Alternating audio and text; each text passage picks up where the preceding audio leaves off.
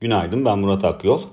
Büyüme endişeleri, yüksek enflasyon ve faiz arttırımları piyasaları baskı altında tutmaya devam ediyor. Dün yurt dışında zayıf bir eğilim e, hakim olduğunu gördük.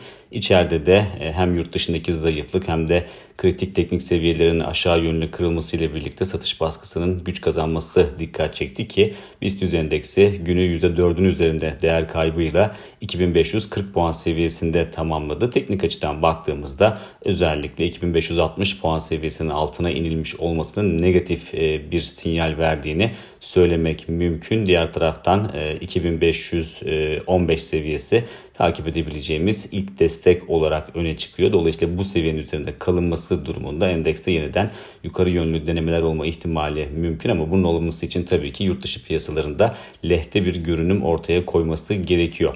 Diğer taraftan dolar TL'ye baktığımızda da orada da yukarı yönlü e, denemeler son birkaç günde belirgin şekilde artmış durumda. E, reel faizin e, giderek daha fazla negatif bölgede derinleşmesi TL'yi negatif etkileyen bir unsur olarak çalışıyor ki şu anda Merkez Bankası'nın da zaten faiz arttırmak gibi bir planının olmadığının bilinmesi kur üzerinde yukarı yönlü baskı yaratan en önemli unsur olarak çalışıyor.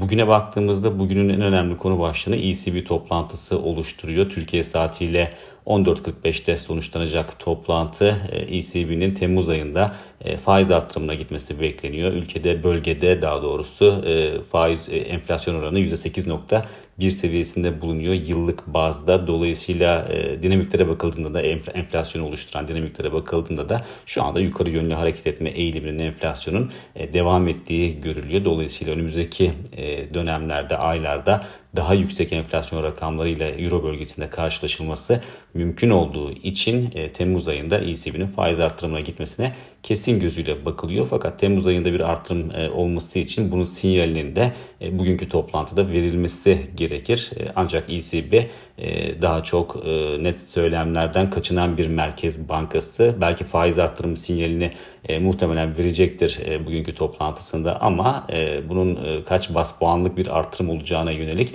net bir ifade kullanmaktan çekinebilir. Genel piyasa beklentisi 25 bas puanlık bir artırım olacağı yönünde politika faizinde Temmuz ayında.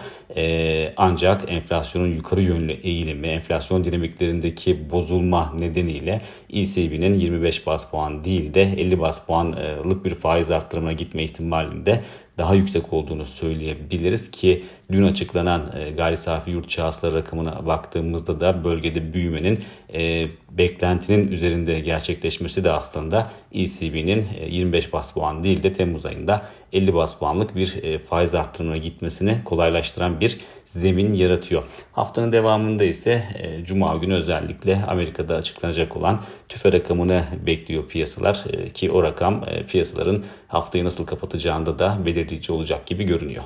Bir sonraki podcast'te görüşmek üzere.